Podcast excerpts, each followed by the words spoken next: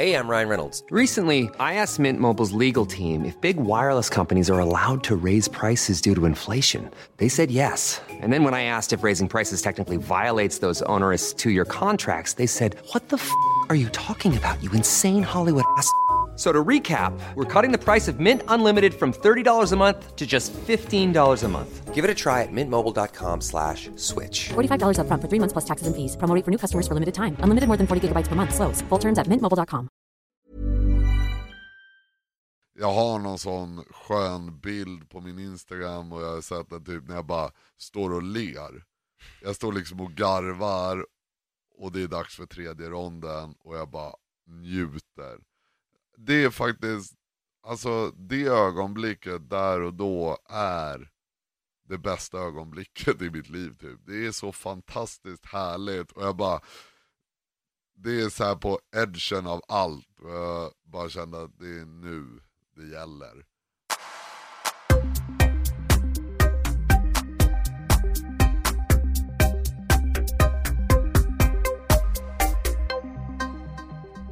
Hej och välkomna till eh, Paul Elvajes eh, podcast.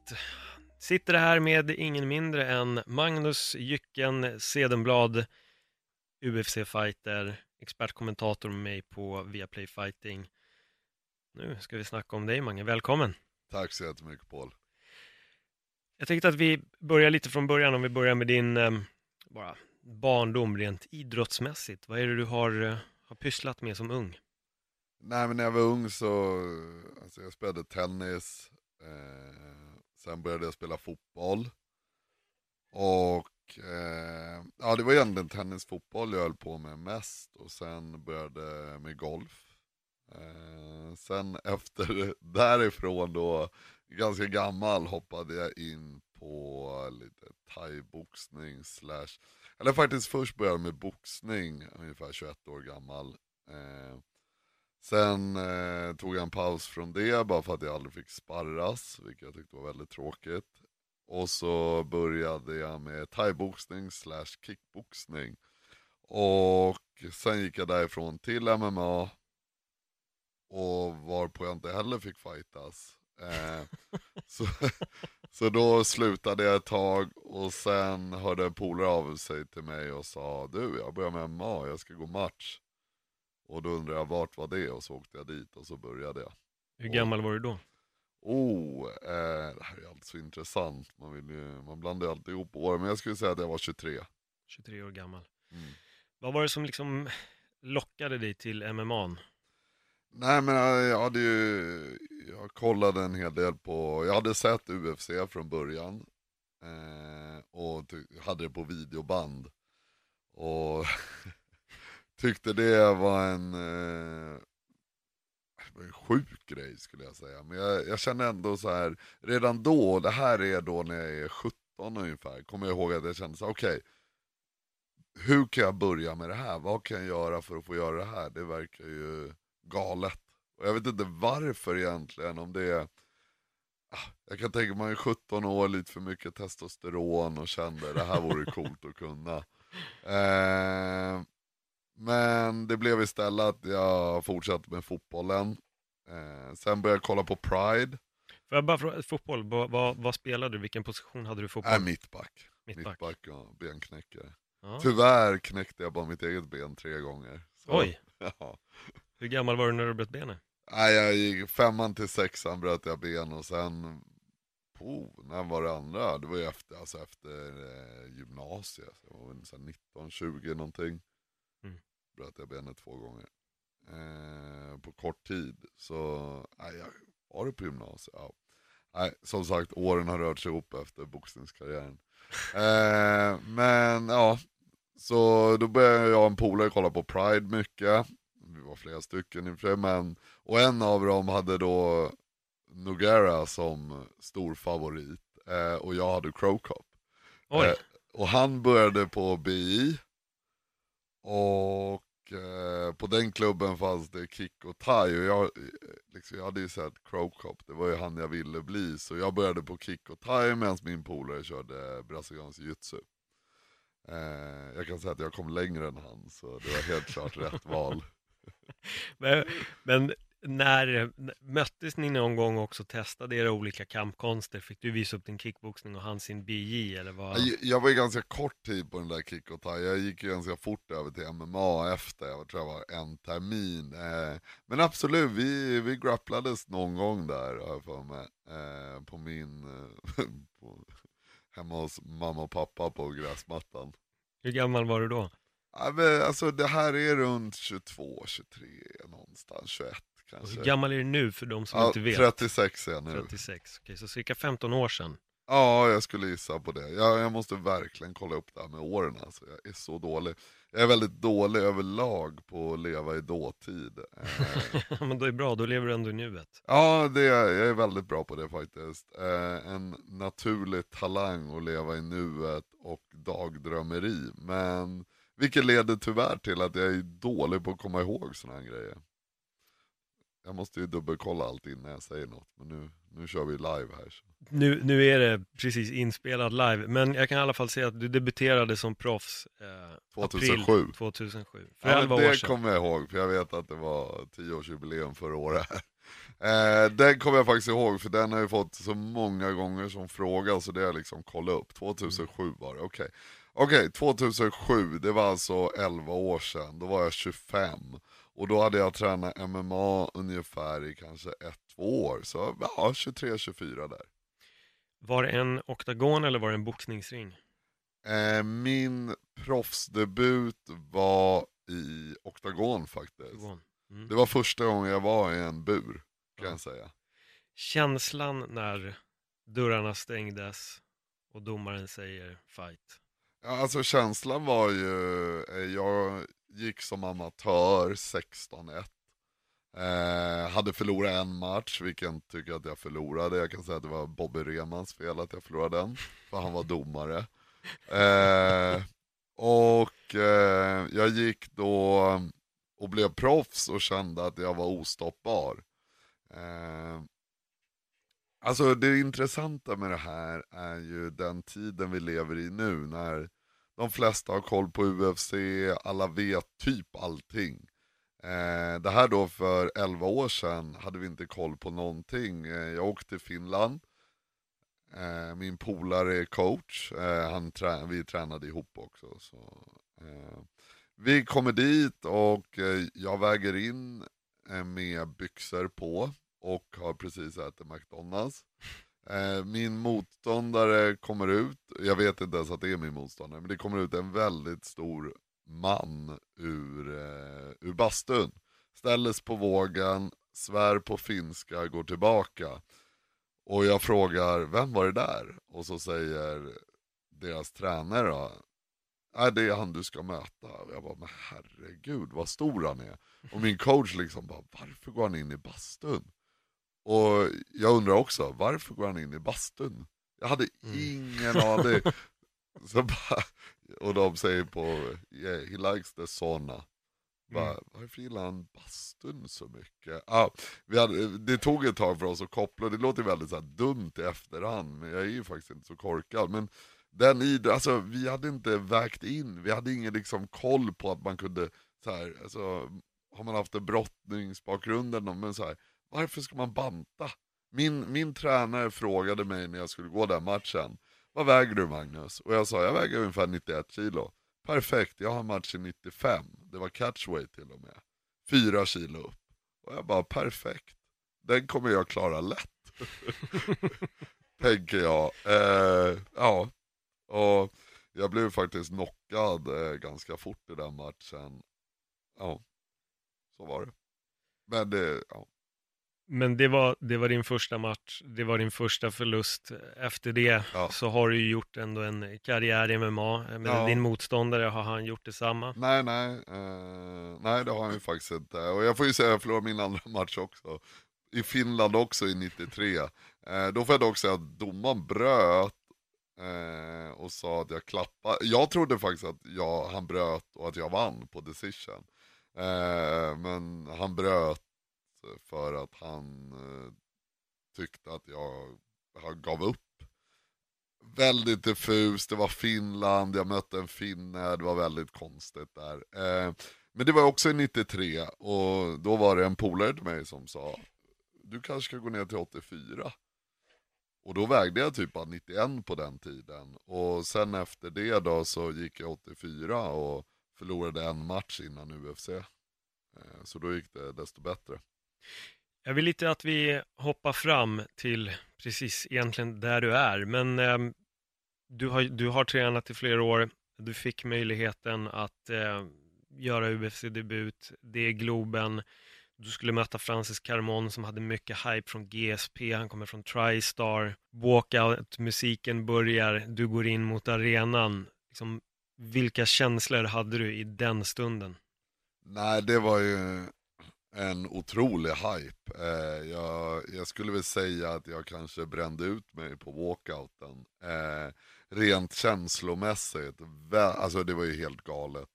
Alltså det klivet från Superior Challenge, eh, någon gala i Ryssland som dock var stor, men gala i Prag, alltså smågalor egentligen, till att gå ut inför ett fullsatt Globen, första UFC-galan där, och publiken exploderar och man bara, alltså herregud det här är helt sjukt. Eh, man studsar ut och känner bara, det här är helt galet, jag gör det. Jag gör det. Jag går en UFC-match. Eh, dock så måste jag säga att jag, alltså sen i matchen så är jag ändå en väldigt bra match. Eh, jag kan se i efterhand eh, några misstag och så, men alltså en bra match gör jag. Utan, och jag är väldigt, alltså jag skulle vilja säga att jag är närmare att vinna än vad jag är att förlora. Dock så förlorar jag, men ja. Det är faktiskt min upplevelse också. Det, jag, jag vet inte, men det var som att nu fastnade du i ett stryp. Eh, när jag såg det så kändes det som att du hade matchen alltså, i första ronden. Ja, ja alltså, den, men... jag hade ju hans rygg hela första ronden. Eh, kunde tyvärr inte dra ut han.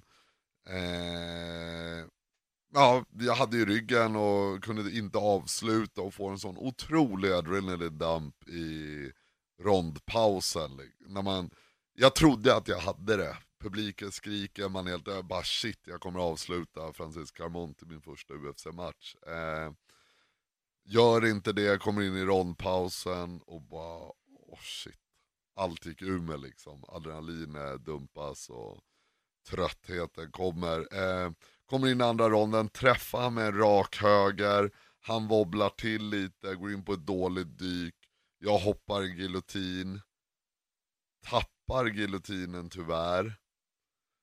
Och han hamnar på topp och avlossar tung ground and pound liksom. Och därifrån var det en otrolig uppförsbacke och ja, han tar ryggen och drar ut mig. Eh, men ja, jag var otroligt nära att avsluta tills han avslutar. Och det är, det är som man har sett så många gånger i MMA att eh, det finns ju ingen sport som är så ja, icke förlåtande. Man eh, går och tänker nu vinner jag det här, man har det och sen snöpligt nog förlorar man och ja, du blir ja, inte ihågkommen men du är faktiskt han som förlorade matchen och det är det folk kommer ihåg. De kommer ihåg resultatet.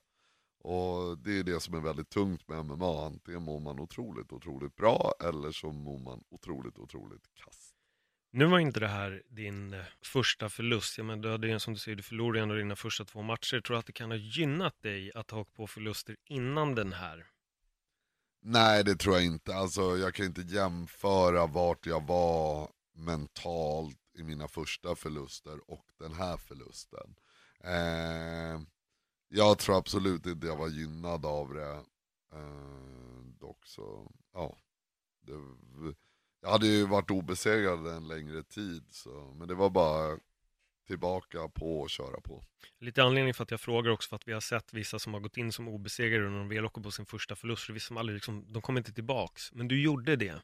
Vad, liksom, vilket jobb fick du gå igenom från Carmont-förlusten till nästa fight? Nej men det var ju mycket eh, mental inställning överlag. Eh, och bara träna och utvecklas. Alltså, fortfarande MMA är ju väldigt ung sport och för mig var det ju väldigt ungt. Så jag har ju fått lära mig otroligt mycket på vägen. Och det är ju en sån sport som har utvecklats sjukt mycket. Alltså, jag skulle säga att det är först nu nästan, alltså senaste året kanske, man börjar se, okej, okay, så här ska MMA se ut. Så här ska man fightas i MMA. Eh, när, när jag började då hade man ingen aning. Då körde man BI, man körde lite boxning, körde thai-boxning och så lägger man ihop det och så blir det MMA. Eh, nu börjar det faktiskt bli en sport. Så när du säger att du jobbar med det mentala, på, fick du hjälp av någon eller? Just då fick jag inte hjälp, eh, sen senare i min karriär så har jag fått hjälp eh, och tagit hjälp. Och det, det är något jag tror eh, alla borde göra, för det finns nog ingen sport i världen där det mentala spelet är så viktigt som MMA. Och många är medvetna om det, tyvärr så är det väl någon sån, ja antingen har du eller så har du inte. Vilket är väldigt korkat att säga, det är ungefär som antingen har du kondition eller så har du inte kondition. Eh, det är någonting man behöver jobba på och kan ständigt utvecklas. Och det, det har jag försökt göra. Vilken lärdom har hjälpt dig mest med den mentala träningen? Någonting som har sagt av en mental coach som du känner så här, det här, nu? Det, det viktigaste skulle jag säga som jag har lärt mig, det är att det spelar ingen roll vad jag känner. Och det innebär att när man ligger kvällen inför en match, hjärtat rusar, du svettas, du är nervös, du är laddad. Det, det är så starka känslor på alla sätt och vis. Det, det går inte att jämföra med något annat jag upplevt i mitt liv. Och man vill fly från situationen ibland och ibland, ja det går upp och ner, det är en berg och dalbana. Och bara låta det vara så. Det här är inte bara något som har hjälpt mig i MMA, utan det här har hjälpt mig i livet. att Okej, okay, jag är sjukt stressad just nu. Jag mår jättedåligt. Jag skulle bara åh, vilja härifrån för att det är så mycket press och stress just nu. Men det är okej. Okay. Det är okej okay att jag känner så, för jag vet att jag inte kommer dra härifrån. Jag vet att jag kommer göra det här imorgon. Och grejen är, det spelar ingen roll vad jag känner. Jag behöver inte förtrycka de här känslorna som jag tror många gör med att ah, men jag är så bra tränad, jag är ett djur, jag är, har gjort det här och det här och jag kommer göra så här och så här med han och så vidare. Utan, ja, det är så här, vi kommer fightas imorgon. Jag kommer ge allt jag har för att vinna den här matchen. That's it. Det spelar ingen roll om jag är taggad, eller att jag känner mig skitbra, eller att jag är jätteavslappnad, eller att jag... Det spelar ingen roll vad jag känner. Jag kommer gå in där, och jag kommer fightas. Och det här är något jag har tagit med mig i allt jag gör. Och det tar ju tid att lära sig kontrollera, men nu för tiden föreläser jag en hel del och jag, jag bara frågar ja. där, var känner du mer att du har applicerat just de orden? Finns det någonting konkret som du kan ta ur vardagen som inte är fighting-relaterat, där du känner att här har jag också lagt till det? Ja men absolut, som nu när jag föreläser en hel del och man kan känna innan oh shit, tänk om de inte tycker det här är bra, tänk om jag inte kommer komma ihåg allt. Ja, man har de där känslorna innan en föreläsning som jag tror alla som har föreläst, alltså alla har ju föreläst i skolan eller vad som helst. Och man har varit nervös och känt, ah, kanske inte lyckas med det här. Och bara acceptera det. Okej, okay, jag känner så här nu. Jag har alla de här känslorna och tankarna. Och eh, men det är okej. Okay. Jag får känna så, jag kommer gå upp och föreläsa och jag kommer göra mitt bästa. Och det tar väldigt, alltså jag skulle uppleva, eller säga att det tar väldigt lång tid att komma dit, men om man har den insikten så hjälper det. Och det, det vi pratade mycket om i terapin, eller vad vi ska kalla det, eh, är just det att alla människor är känslomänniskor. Allt är, vad jag än säger till någon, eller vad du än hör, det första som poppar upp är en känsla. Eh, känslorna kommer gå upp till din hjärna, du kommer börja tänka saker och börja göra de här känslorna logiska, vilket sedan kommer leda till en handling. Eh, och där är cirkeln sluten. Men det går ju att bryta det här då, det är det man får träna på. Det här är ju vanlig KBT. Men om man får de här känslorna av nervositet, så går det upp till din hjärna och du börjar tänka, ja men jag kanske inte är bra tränad. Jo, jo, men jag är bra tränad, jag är skitstark. Ja, men tänk om de inte gillar din föreläsning. Jo, jo, men de kommer älska när jag säger det här, det kommer bli skitbra. Ja, men... Och så håller du på med den här pingismatchen i huvudet med ångestkänslan och så försöker du dämpa den. Ångestkänslan försöker dämpa den, fram och tillbaka, fram och tillbaka, fram och tillbaka. Vilket är så uttröttande, du, man blir trött. Och istället lämnar jag det där och bara accepterar. Okej, okay, jag är nervös. Jag känner vad jag än känner och så bara accepterar jag det. För det som händer är att känslan blir tystare och tystare och tystare och till slut försvinner. Menar du också, för, för det jag tänker på, vissa av de här känslorna är också normala och kanske till och med ganska bra. Jag vet att enligt eh, boken The Rise of Superman så säger de att eh, alla de här känslorna som du har, det är också en, en, som en start för det att kliva in i flow. Det får inte bli för negativt, givetvis. Men skulle du säga att försvinner de här känslorna för dig när du väl kliver in i oktagonen eller när du väl står på en scen och ska föreläsa?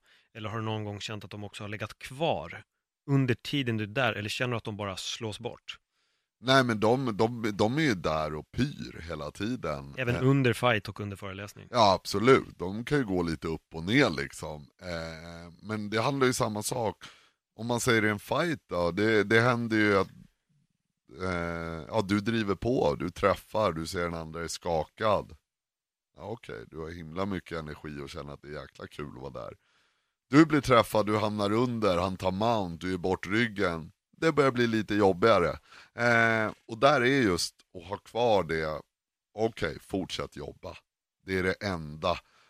Alltså man kan ju känna i en match, och det kan man ju se ofta tycker jag, just när de här tankarna börjar spela spratt med folk. Eh, ja, de börjar bli träffade, man ser i blicken hur de börjar vika ner, man ser hur den andra lyfter upp och helt plötsligt blir en halv meter högre. Eh, man ser någon som är rädd för att förlora, går in och inte slår det där första slaget. Man, det är där hela tiden och jag skulle säga i MMA är det så fantastiskt för det blir så tydligt. De här känslorna är där hela tiden och det kan verkligen svänga på en millisekund i en fight. Och det är som, ja men ta en fighter som är sjukt trött. Det ser ut som han inte orkar en sekund till. Han, man känner såhär, okej okay, han är färdig, det här är över. Han skickar iväg en haymaker, träffar motståndaren, motståndaren wobblar till. Vad händer? De byter plats. Helt plötsligt känns det som den här killen som man trodde skulle ge upp för 10 sekunder sedan.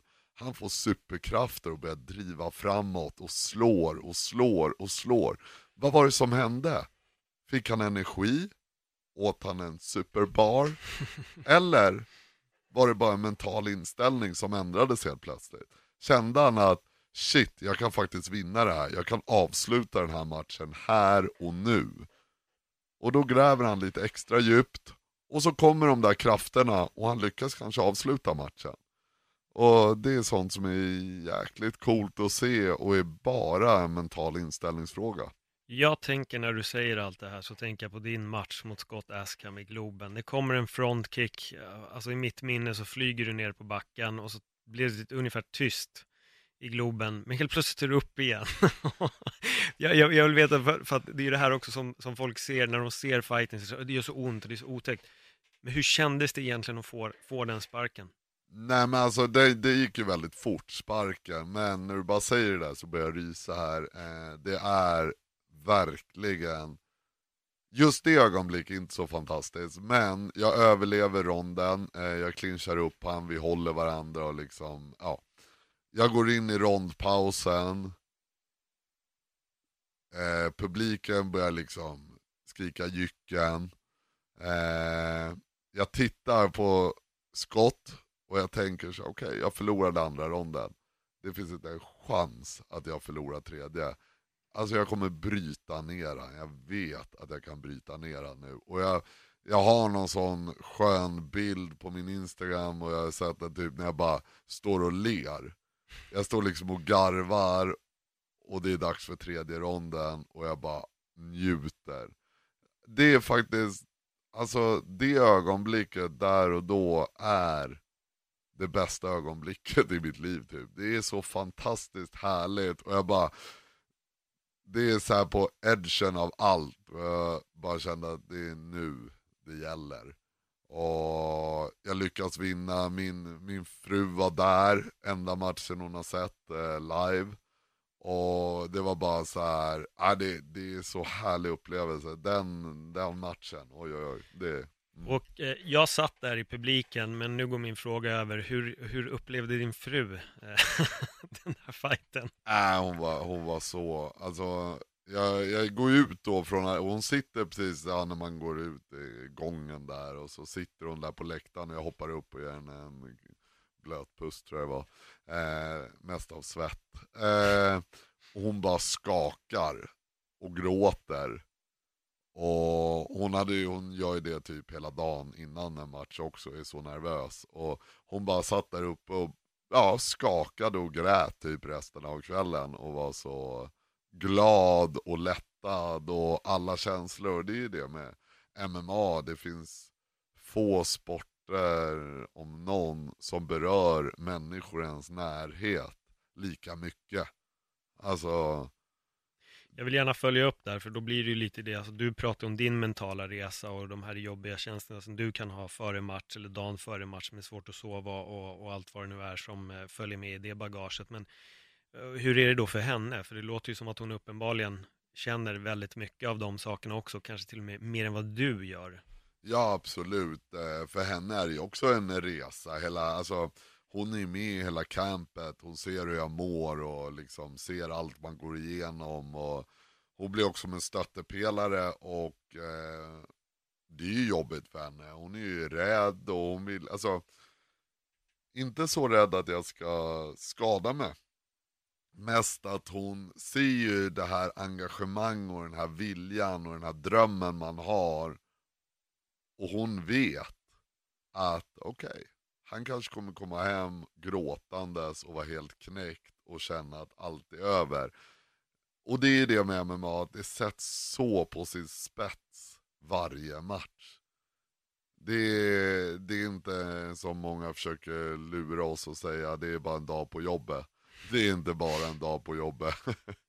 Det är väldigt stor skillnad. Eh, det är liksom som hela ditt liv kulminerar i just den dagen, just den stunden och allt står ju still, eh, även i andras liv i ens närhet. Alltså, det är inte så att när jag går match så går Julia och jobbar och har en chill dag och så bara just det, hur gick det igår på jobbet, var det kul? Nej.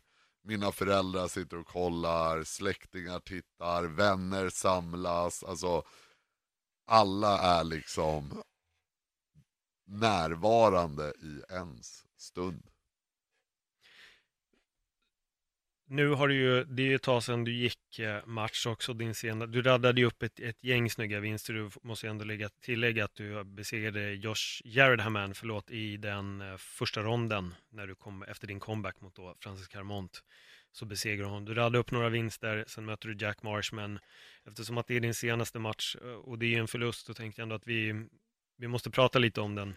Absolut. När du eh, liksom kliver in i oktagonen för den här matchen, ni sätter igång. Hur känner du att allting hade gått inför en camp och allting? Och jag vill nog gå in på lite skador kanske också. Mm. Nej men alltså jag tyckte ändå det hade gått bra, eh, campet. Jag kände mig väldigt lugn och harmonisk, hade landat i mycket saker.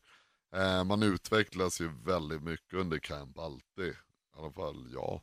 Eh, känslomässigt, eh, fysiskt, eh, tekniskt, allt det där. Eh, och jag tyckte det kändes väldigt bra när jag gick in. Eh, jag hade haft lite problem med min nacke som eh, under campet, eller ja, speciellt sista tre veckorna skulle jag säga, då, då kunde jag inte träna så mycket eh, på grund av nacken.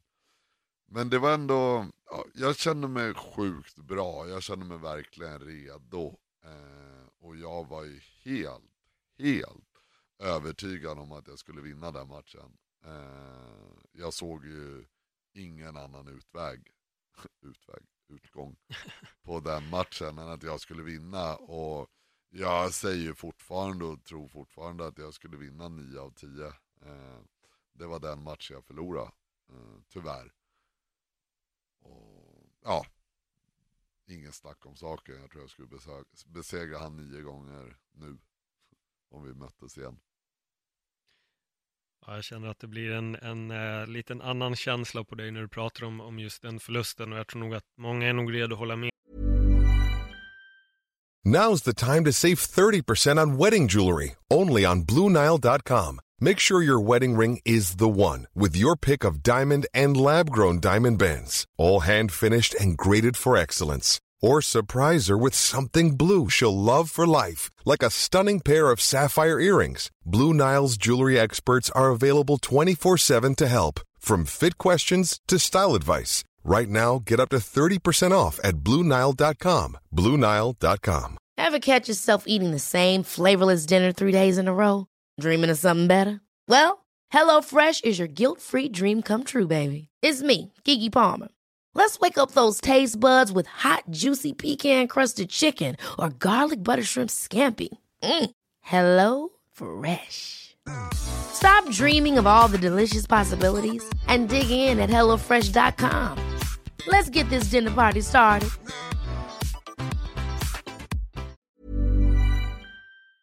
Dig i, i det här fallet. Eh, du nämnde din nacke och det är lite där vi är nu. Eh, det är ju ett tag sedan du fightades, du har haft problem med din nacke. Vad är det egentligen som, som har hänt? Nej men jag har ju diskbråck i nacken. Eh, jag tror faktiskt att det kom 2016 i januari när jag tränade på AKA. Eh, så åkte jag på en giljotin av Luke Rockhold. Jag klappade inte, jag drog ut hans sekunden efter på en dart choke, bara så att ni vet. Eh, men alltså jag fick sån brutal alltså nackspärr. Tänkte jag att det var. Eh, där och då. Så ja, jag gick på behandling, jag gick på behandlingar och mm, det släppte inte riktigt. Jag kom hem därifrån, jag började träna, jag hade ont, det gick upp och ner, jag gick på massage, behandling. Alltså jag gick på otroligt mycket behandlingar då. Eh, gick en match, vann den. Eh, fortsatt köra på, hade problem, hade problem och sen var det då inför Jack Marshman där så eh, blev jag kastad, eller ja, nedbruten på huvudet och landade på nacken och jag kände direkt så här hur bara aj, där, där låste det sig. Liksom, där hände samma sak liksom fast värre. Eh, och jag gick på, oh, alltså jag tog två behandlingar om dagen i två veckor. För det var ett tag jag kände så här, det kanske inte ens kommer gå. Jag kunde inte röra, alltså det gick inte, jag kunde inte röra huvudet. Tänk er den värsta nackspärren ni kan tänka er. Och så ska ni fightas. Det var, mm det var väldigt tufft. Eh, men det släppte, eh, det blev helt okej. Under matchen och allt inför. Och sen efter då så började nacken spöka igen. Jag fortsatte köra på, jag gick på behandlingar och sen, ja det blev värre och värre och värre och just det började gå ut väldigt mycket över mitt liv. Eh, tidigare hade det varit, okej okay, jag kan träna som jag vill men jag kan ändå leva mitt liv. Eh, det började bli att jag hade huvudvärk konstant, jag kunde inte sova, jag vaknade upp på nätterna. Jag hade, till slut kunde jag liksom inte ens bära min son för jag fick så ont av det och kunde inte lyfta. Och då, då åkte jag och röntgade nacken och sa om det var diskbråck liksom. Och så, då hade jag så ont och kände liksom bara, jag, jag orkar inte pressa mig igenom den här smärtan. Och började kanske känna att rent logiskt eh, så visste jag att det bästa var att vila och ta en paus. Eh, rent känslomässigt ville jag bara bita ihop och köra igenom. Men det, det gick liksom inte. Så då, då vaknade jag upp, eller jag bestämde mig på när jag åkte hem från sjukhuset, bara, när jag fick svaret, bara, det här går inte. Och så vaknade jag upp på morgonen därpå och bara, japp, vad gör man nu? Övervägde du pension, alltså fightingpension någon gång vid de här äh, tillfällena? Ja, ja absolut. Alltså, jag har ju haft en hel del skador och det har ju, alltså, jag har ju gråtit så många gånger ifrån sjukhus på olika röntgenavdelningar eh, och känt att det är över liksom, det går inte. Och där får jag ju säga, alltså jag har ju ända sedan jag var liten så har jag skadat mig. Jag är otroligt skadebenägen. Och det här är något jag funderar mycket på, jag har varit på en del föreläsningar om det och diskuterat med olika som har olika teorier om det. Och det är, jag skulle säga rent så här, alltså jag har ändå tränat väldigt smart. Eh, jag har lagt ner mycket tid på det, jag har skött mig bra. Eh, men jag skulle säga att det är en ren genetisk faktor. Som liksom, ja, men jag har kastat axlar ur led, jag har brutit benet tre gånger, jag har brutit. Alltså, jag har så många skador. Och det, det är sånt man ser i många idrotter. Alltså om man tar, ska gå ut fotboll, om man tar Zlatan eller Cristiano Ronaldo. De, de har sedan de var små spelat varje helg. Aldrig skadat sig. Cristiano spelar hela tiden, Zlatan skadar sig nu men vid väldigt hög ålder. Och det är just det att de bästa, de som blir bäst, de, de går igenom en juniorkarriär utan att skada sig. De som skadar sig när de är 14, 16, 18, de försvinner. Speciellt i de där sporterna där det är ännu hårdare konkurrens. Eh, och det är svårt med om man är skadebenägen, för det är, det är verkligen en sak skulle jag säga. För det är, man ser ju vissa fighters, man ser vissa ja, fotbollsspelare eller vad som helst, bara, nej men han är skadebenägen. Vad är det? Ja, jag skulle säga att det är en genetisk faktor liksom. På vilket sätt skulle du säga att det är en genetisk faktor? Ja, jag vet inte, min pappa. Jag skyller på han. Nej, jag faktiskt Nej men det är just det. Nej, men eh, jag vet inte vad det är nu får man säga. Jag är väldigt lång och gänglig och saker sitter lite löst tror jag eller något. Men ja, det, det har varit väldigt jobbigt under karriären. För jag har alltid skadat mig. Och eh, jag tror jag skulle varit mycket bättre i MMA i dagsläget om jag inte hade haft alla de skador jag har haft. Jag har ju väldigt mycket problem med min kropp och har haft. Eh, så jag tror jag verkligen hade varit mycket bättre om jag inte hade haft dem hela vägen. Nu vet ju inte jag om alla dina skador kommer bara liksom rent genom att vara i en riktig fight, om vi säger så, tävlingssammanhang, eller om det också kommer via just träning och sånt som du nämner. Men kan det vara så att man kanske tränar lite för hårt ibland? Att man kanske går lite för hårt ut? Ja absolut, eh, jag har ju tränat för min kropp för hårt, uppenbarligen. Eh, och slitit ner, men det är ju den svåra balansgången. Eh, vill man bli bäst i världen, ja, bära eller brista. Det går inte att ligga på sparlåga, men jag kör tre pass i veckan, det är vad jag klarar av. Ja okej, då kommer du tyvärr inte hela vägen. Eh, men sen är det, ja, det är en avvägning där och det är såklart att man kanske hade ibland behövt vila mer. Men att man, det är ju den viljan som är där och bara utvecklas och bli bättre och ja. Som gör att det leder till det det gör. Men ja, jag skulle säga, jag är vekt virke. Din eh, fru, vad, eh, vad har hon sagt nu när skadorna har varit där? Känner hon själv att hon kanske vill att du ska ja, gå i pension och fokusera på annat? Eller liksom, du börjar ändå komma upp i åren, men du är 36 år gammal, det är inte som att man har en MMA-karriär till man är 80. Nej, nej, det är ju tyvärr, alltså det har jag insett också att eh, om inte karriären tar slut nu så tar den slut inom, säg fyra år. Alltså det känns bara som en gräns 40.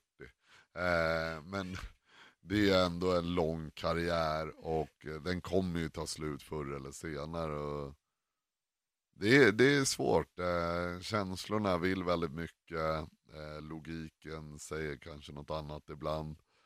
Eh, och min fru är väl på spåret, eh, hon försöker väl säga pedagogiskt att jag ska göra det jag känner för och det jag blir lycklig av. Eh, och det är svårt, det är svårt för det är ju tyvärr, om jag skulle börja träna hårt igen, eh, så är det ju, om man bara, ett lätt sätt att förutspå framtiden är ju att se på dåtid. Eh, och det troliga är att jag skulle skada mig på något sätt igen. Om det inte var nacken skulle det vara något annat. Men jag, jag vill ju verkligen, alltså jag skulle verkligen, verkligen vilja gå en match igen. Det, det, mm. Vad är, det som, vad är det som får dig att vilja gå in i oktagonen och fightas? Alltså, det är lite olika saker. Eh, för det första upplevelsen. Eh, alltså att gå in är ju galet. Det är... Det är... Det är så svårt att förklara. Alltså det är liksom alla känslor gånger tusen samtidigt. Jag, är- varför är det så svårt att förklara är för att det inte finns någonting som liknar det. Jag kan inte säga det är som att, för det finns ingenting som är som att. Är det som att gå in en gång till? Ja, precis. Det är, det är unikt, den känslan. Och jag vill uppleva det igen. Eh, jag vill jag vill bara känna också att jag slutar om, på mitt villkor. Att det inte är en skada som sätter stopp, utan det är okej. Det är jag som säger att nu räcker det. Eh, jag saknar hela livet med träning. Där drömmen man har att bli bättre, att utvecklas, att varje dag vakna upp med ett mål, med en så här, okej, idag kör vi, idag ska vi göra det här, idag ska jag lära mig det här och okej, nu kör vi. Vem är Magnus Cedenblad utan fighting? Ja, det, det, grejen är, det, det är alltid någonting som folk eh, säger är jobbigt efter karriären. För att man har identifierat sig väldigt mycket med fighting. Men jag kan ju snarare känna tvärtom. Jag har aldrig, alltså, för min egen del så har MMA bara varit min allra, allra bästaste vän. Eh, men jag har aldrig identifierat, alltså jag är Magnus, jag har aldrig haft problem och så här, vem är jag utan det här, vad, vem är jag? Jag har väldigt bra koll på vem jag är, jag vet vad jag är bra på, jag vet vem jag är. Alltså, jag tycker jag har väldigt bra koll på det, så det är ingen problem. Det svåra är kanske att hitta vad man fyller det här tomrummet med. För det är det bästa sättet att förklara för någon just det här, det är att ens allra, allra bästaste vän dör. Och jag skulle säga att det här är mer än min bästaste vän. Det är en som alltid har funnits där. Eh, alltid haft roligt ihop, jag har alltid kunnat lita på MMA, vad som än jag har känt i livet. Så jag sa, ah, ja men jag åker och tränar MMA, det vet jag att jag blir glad över. Jag gillar att spendera tid med MMA. Det är något jag har tänkt på Alltså, jag har tänkt på det så mycket så, ja. Det är det sista jag har tänkt på, det är det första jag har tänkt på. Det är det jag går runt och grubblar på. Jag går och skuggboxas, jag går och sparkar på lyktstolpar, jag Prova saker. Alltså det, det är ett konstant, och jag tror det är därför det som har tagit mig så långt som det har gjort. Det är just den mentala besattheten jag har haft. Att, och det kommer av en ren kärlek. En ren kärlek till sporten och utvecklingen. Så det är min allra, allra bästaste vän som är ännu mer än en vän har försvunnit. Så vad fyller man det tomrummet med? Det är nog den stora frågan för mig. Har du någon sån här aning om vad det skulle kunna vara just nu? Är det, någon, är det någonting som du ändå känner att du kan få nu, något, något likvärdigt utav? Alltså likvärdigt det, men jag... Och då Ja. menar jag inte att kanske just känslan av en, en, en stor skock människor som jublar, utan Nej, det är väldigt svårt just den kicken, men eh, absolut så har jag ju andra intressen och andra funderingar på vad jag ska göra med mitt liv liksom. Och vad, eh, vad jag gillar att göra och vad jag blir glad av. För det är också det som har varit den stora grejen. Jag har hållit på med MMA för att jag älskar det och det gör mig glad. Eh, och då har jag tänkt så okej okej vad älskar jag att göra och vad blir jag glad av? Och det Alltså i dagsläget är det ju att hjälpa andra liksom och utveckla andra och få andra och ja, uppleva samma sak som jag har fått uppleva. Eh, så just nu jobbar jag ju som, ja, jag jobbar ju som en mattränare, jag kommenterar och eh, även eh, funderar på kanske ta vidare och börja plugga lite idrottspsykologi och hjälpa andra att prestera på högsta nivå. Eh, det är det, jag gillar att hjälpa andra människor egentligen. I samband med det då så vill jag fråga, vilka misstag har du lärt dig mest av? Eh, vilka misstag, alltså det där, jag gillar inte att tänka så heller, för jag tänker ju från början att jag har ju, jag, har inte, jag tycker inte misstag, jag har gjort så bra jag har kunnat med det jag har haft. Alltså om jag går tillbaka nu och skulle säga, ja men här har du Magnus, 17 år, jag är en MMA-stjärna. Ja, utan problem. Och han skulle vara sjukt mycket bättre än den Magnus som sitter här. Men, när MMA, alltså när jag satt och kollade på, alltså titta på UFC, jag hade ju kunnat gå in i dagsläget och vara UFC-champ i UFC 1 och 2. Och, ja, men det, det var ju det jag såg och det var så jag trodde det skulle se ut. Så det är väldigt svårt att säga, ja, men jag borde ha tränat så, jag borde ha gjort så. Jag hade inte kunskapen, ingen annan hade kunskapen. Eh, men jag har väl, det är svårt, det jag skulle säga är att något jag är dålig på, när det kommer till träning, vilket jag önskar jag hade varit bättre på, men det är också en del av mig själv som jag uppskattar väldigt mycket. Det är den här ständigt sökande. Eh, jag, jag har haft svårt att ha en kontinuitet i någonting, för jag är, jag är väldigt nyfiken och var ju bakom nä nästa dörr liksom. Eh, dock får jag säga att ett, någonting jag har varit kontinu, haft kontinuitet i, det är att försöka bli så bra som jag bara kan bli. Och jag kan ändå känna att jag har gjort det. Jag har gjort det här så bra jag bara har kunnat. Jag känner inte att jag, så här, men jag borde ha gjort så, jag borde ha gjort så. Nej, alltså jag gjorde verkligen, verkligen det bästa jag kunde. Vad är du stoltast över? Det är det. Alltså det är det, att jag kan stå rakryggad och säga, jag bestämde mig för en grej, och jag tog det så långt jag bara kunde ta det. Det är få i världen som kan säga det. Säga att okej, okay, jag bestämde mig för en grej, vad det än må vara, och jag gjorde det bara så bra jag bara kunde. Och jag har levt i det och liksom, det har varit min enda fokus. Alltså, semester, helger, det har liksom varit en börda för att man eventuellt inte ska kunna träna och bli bättre. Och det, det är jag så tacksam för och det har varit en sån otroligt häftig resa. Och det vill jag säga med MMA, för mig har det varit, det har gjort mig till den jag är. Genom just att jag har fått lära känna mig själv. Och tagit tag i många saker och många, liksom utvecklat mig som människa. Så det är jag otroligt tacksam för. Ditt starkaste minne från din MMA-karriär? Ja men det är Scott Askham inför tredje ronden. När jag står och känner, okej okay, det står 1-1 i ronder. Publiken skriker jycken.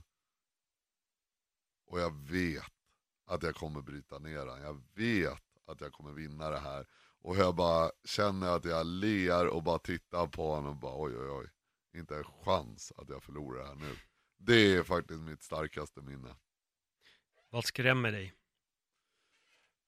Vad som skrämmer mig är att inte hitta den där bästa vännen igen. Tidigare när folk har frågat mig eh, vad som skrämmer dig så har jag alltid sagt att förlora det jag har. Att förlora det där jag är.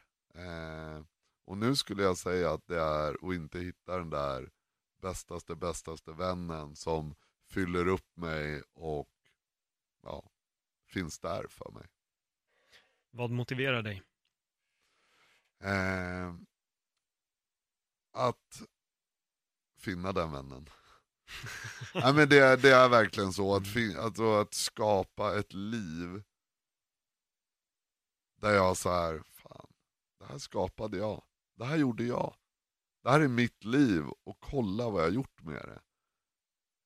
Det motiverar mig. Och det motiverar mig nu. Eh, och där kan man verkligen vrida och vända på det här. För jag kan vara ledsen över att jag förlorar eventuellt, min bästa vän. Eller så kan jag känna, shit vilken utmaning jag står framför. Jag ska fan göra det igen. Och det är väl snarare där jag är. Alltså man får se att det har gått, egentligen har det gått ett halvår sedan jag kände så här: okej, okay, jag måste lägga det här åt sidan. För jag var hela, ända fram till i höst, kanske oktober där någon gång, så kände jag okej, okay, det kommer inte ske nästa månad. Jag kommer inte börja träna nästa månad, det kommer ta längre tid. Och, så det har gått otroligt kort tid, eh, men jag har kommit otroligt långt. Eh, jag har kommit jättelångt med att finna mig själv utanför det här och försöka hitta min nya bästa vän. Eh, så det motiverar mig otroligt mycket. Det låter ju nästan som att du är pensionerad när du ja. pratar om det på ett visst sätt. Och, och, då måste jag ändå ställa frågan, för folk kommer ju undra, kommer vi få se dig i oktagonen igen eller är du liksom klar?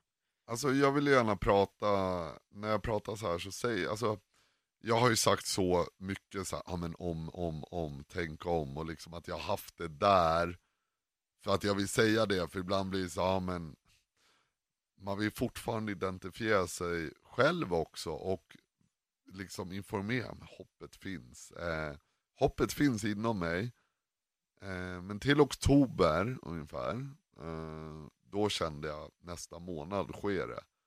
det. Det går bättre och bättre, jag börjar känna att nacken är bättre, jag kommer börja träna. Då bestämde jag mig, okej, okay, nu styr jag upp ett vanligt liv, och så ser vi vad som händer.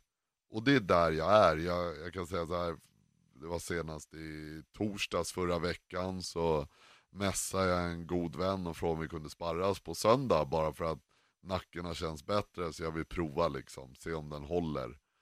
Eh, och jag är ju i tankarna hela tiden att det kan gå, det kan gå. Så jag vill inte säga att jag är pensionerad, men jag har börjat försöka se ett liv utanför och jag ser det mer som en otroligt rolig bonus om jag skulle kunna fightas igen. Du blev eh, pappa för inte så, eller ja, det är några, vad är han, två, tre? Två och ett halvt. Två och ett halvt. Det gäller att vara exakt. Exakt, ja speciellt i den åldern, det är, det är otroligt viktigt. Um, känslorna när din, när din son kom? Nej men alltså det var ju fantastiskt. Eh, Alltså när han, ska man säga ploppade ut. ja, när han gled ut, jag vet inte vad man använder för ord. När han kom då. Mm. Eh, så det var ju magiskt liksom. Eh, mycket lättnad, mycket, ja, mycket känslor. Eh, både jag och min fru vi grät och det var liksom, shit det här är helt sjukt. Eh, men nu vill jag säga det här också, för sen gick det för mig en ja, halvtimme, timme, Frun mådde bra, han låg där. Man bara, så här, ja okej, okay, jag, jag har inte ätit, jag går och köper mat. så här, kanske en kaffe vore gott. Och man frågar tjejen, och så här, vill du ha något? Nej, nej det är bra. Jag, jag, är så tagen och hon ligger och tittar på honom och så här. Han är så vacker, åh är han inte fin? Jo, alltså. Han är okej okay, liksom, han är som ganska många barn ser ut. De är ju relativt söta. Eh, man går och köper en kaffe, man går och köper en macka, man, så här, ja, ja, det var man pappa liksom. Då. Och så gick de där första månaderna och min fru var ju eld och låg bara, han är så vacker, han är så härlig och det var så mycket känslor. Och, och jag kände så här, ja alltså jag älskar han ju, det är min son liksom och jag kommer ta hand om honom när jag livet. Eh, och jag kommer ihåg, det gick ungefär, jag skulle säga att det gick ungefär åtta månader jag ligger och tittar på honom själv i sovrummet och så säger jag till Julia bara, fan alltså, nu när jag tittar på honom så, alltså jag älskar honom verkligen. Jag älskar honom så mycket, det är helt sjukt hur det känns. Hon bara, ja jag har känt det i åtta månader. Jag bara, ja det kom faktiskt först nu skulle jag säga för mig. Eh, men alltså, jag vet inte. Men kan, men kan det vara så? Jag menar nu, du, pr- du pratar ju om fightingen och jag, jag hör ju, det- alltså, det är så mycket känslor, du kan inte beskriva de här känslorna med ord och det är då, om vi får säga att en, jag vet inte om man ska säga en vanlig person eller som lever ett vanligt normalt liv, upplever ju inte de grejerna, utan för dem när de föder ett barn så blir det ungefär som när du kliver in på Globen. Att du har ändå upplevt de här riktigt stora känslorna, att det kanske blir en mindre känsla för dig att bli pappa, trots att den är stor, om du förstår mig rätt. Ja men jag förstår det, men jag vet inte om jag håller med, för jag skulle vilja säga att det är mer den här känslan, alltså jag måste ju lära känna han. Han kommer ut, och ja, alltså egentligen vet jag inte ens om han är min. Men re, alltså okej, missförstå mig rätt, jag brukar skoja med Julia och säga så här också. Men, eh, att hon, han, ja, alltså hon har ju uppenbart liksom fött han. För mig är det en person som kommer in i mitt liv, man säger okej jag har ingen aning om vem den här killen är. Kanske kommer gilla, kanske kommer inte gilla, men jag måste ju bygga den här relationen, alltså för mig i alla fall. Jag behövde bygga den här relationen och nu när han är två och ett halvt år gammal så kan jag säga att ah, alltså, det är det bästa som finns. Alltså jag tycker att det är så fantastiskt roligt att vara pappa, alltså det är så grymt. Ah, det är, och bara komma hem till han, hänga med alla, börja prata och det Ja, ah, det, det är så sjukt roligt. Det, det är det roligaste jag gjort på liksom någonsin. Och ja, det är roligt, genuint roligt och fascinerande och det, ja, det är åh, så kul. Eh, men det var inte så kul. Alltså jag tycker inte många, nu är det så här life changer. Nu har det blivit, oj oj, man har fått helt andra värderingar, man tänker på ett väldigt annorlunda sätt kanske, man måste ta hand om honom. Men när han kom ut, jag kände inte så här ja ah, nu blev mitt liv helt annorlunda, förutom att jag sov sämre och sådana grejer. Men det var liksom inte den överväldigande känslan som jag upplever att vissa säger. Och ibland undrar jag om folk bara säger så, eller om de känner så. Men den känslan verkar ändå ha kommit nu. Ja, ja, alltså det är fantastiskt. Alltså det är verkligen, det är verkligen, ja, det är så sjukt roligt. Alltså han är så kul.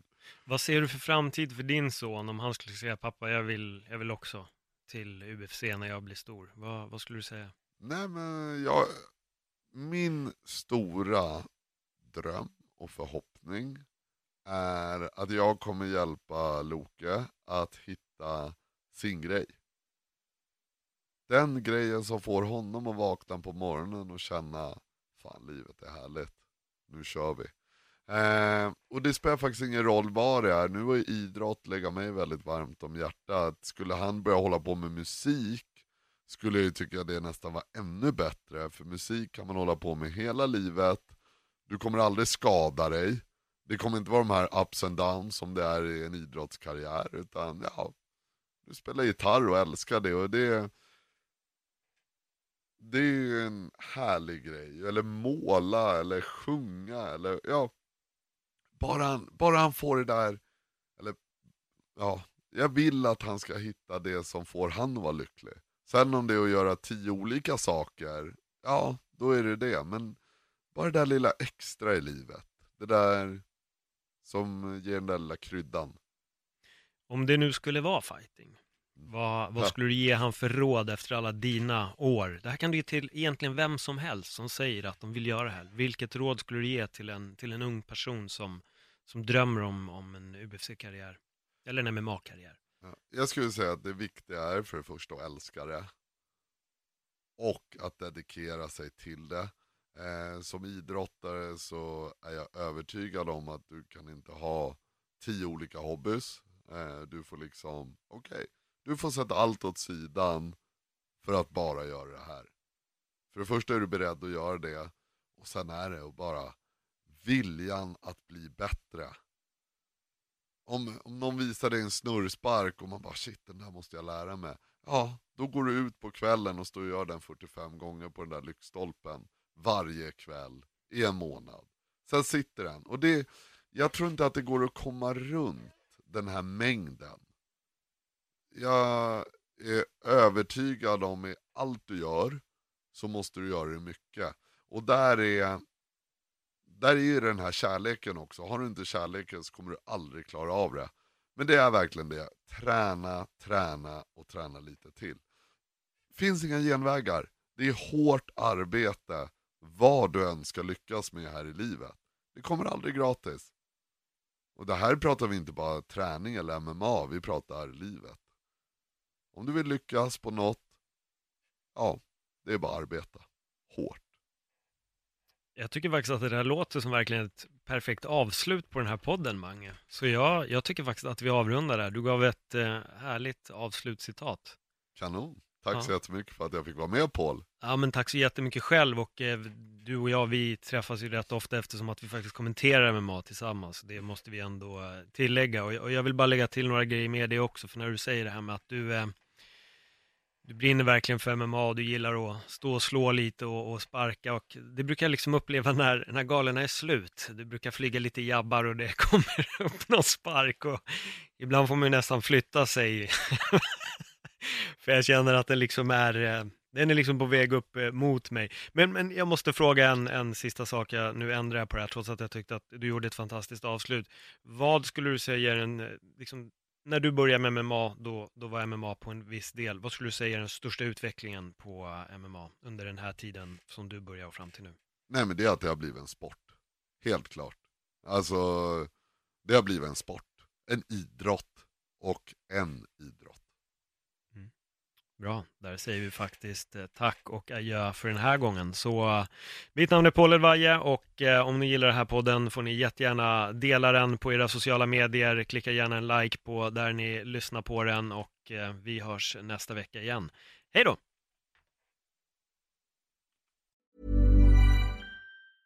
Ever catch yourself eating the same flavorless dinner three days in a row? Dreaming of something better? Well, HelloFresh is your guilt-free dream come true, baby. It's me, Kiki Palmer. Let's wake up those taste buds with hot, juicy pecan-crusted chicken or garlic butter shrimp scampi. Mm. Hello Fresh. Stop dreaming of all the delicious possibilities and dig in at HelloFresh.com. Let's get this dinner party started.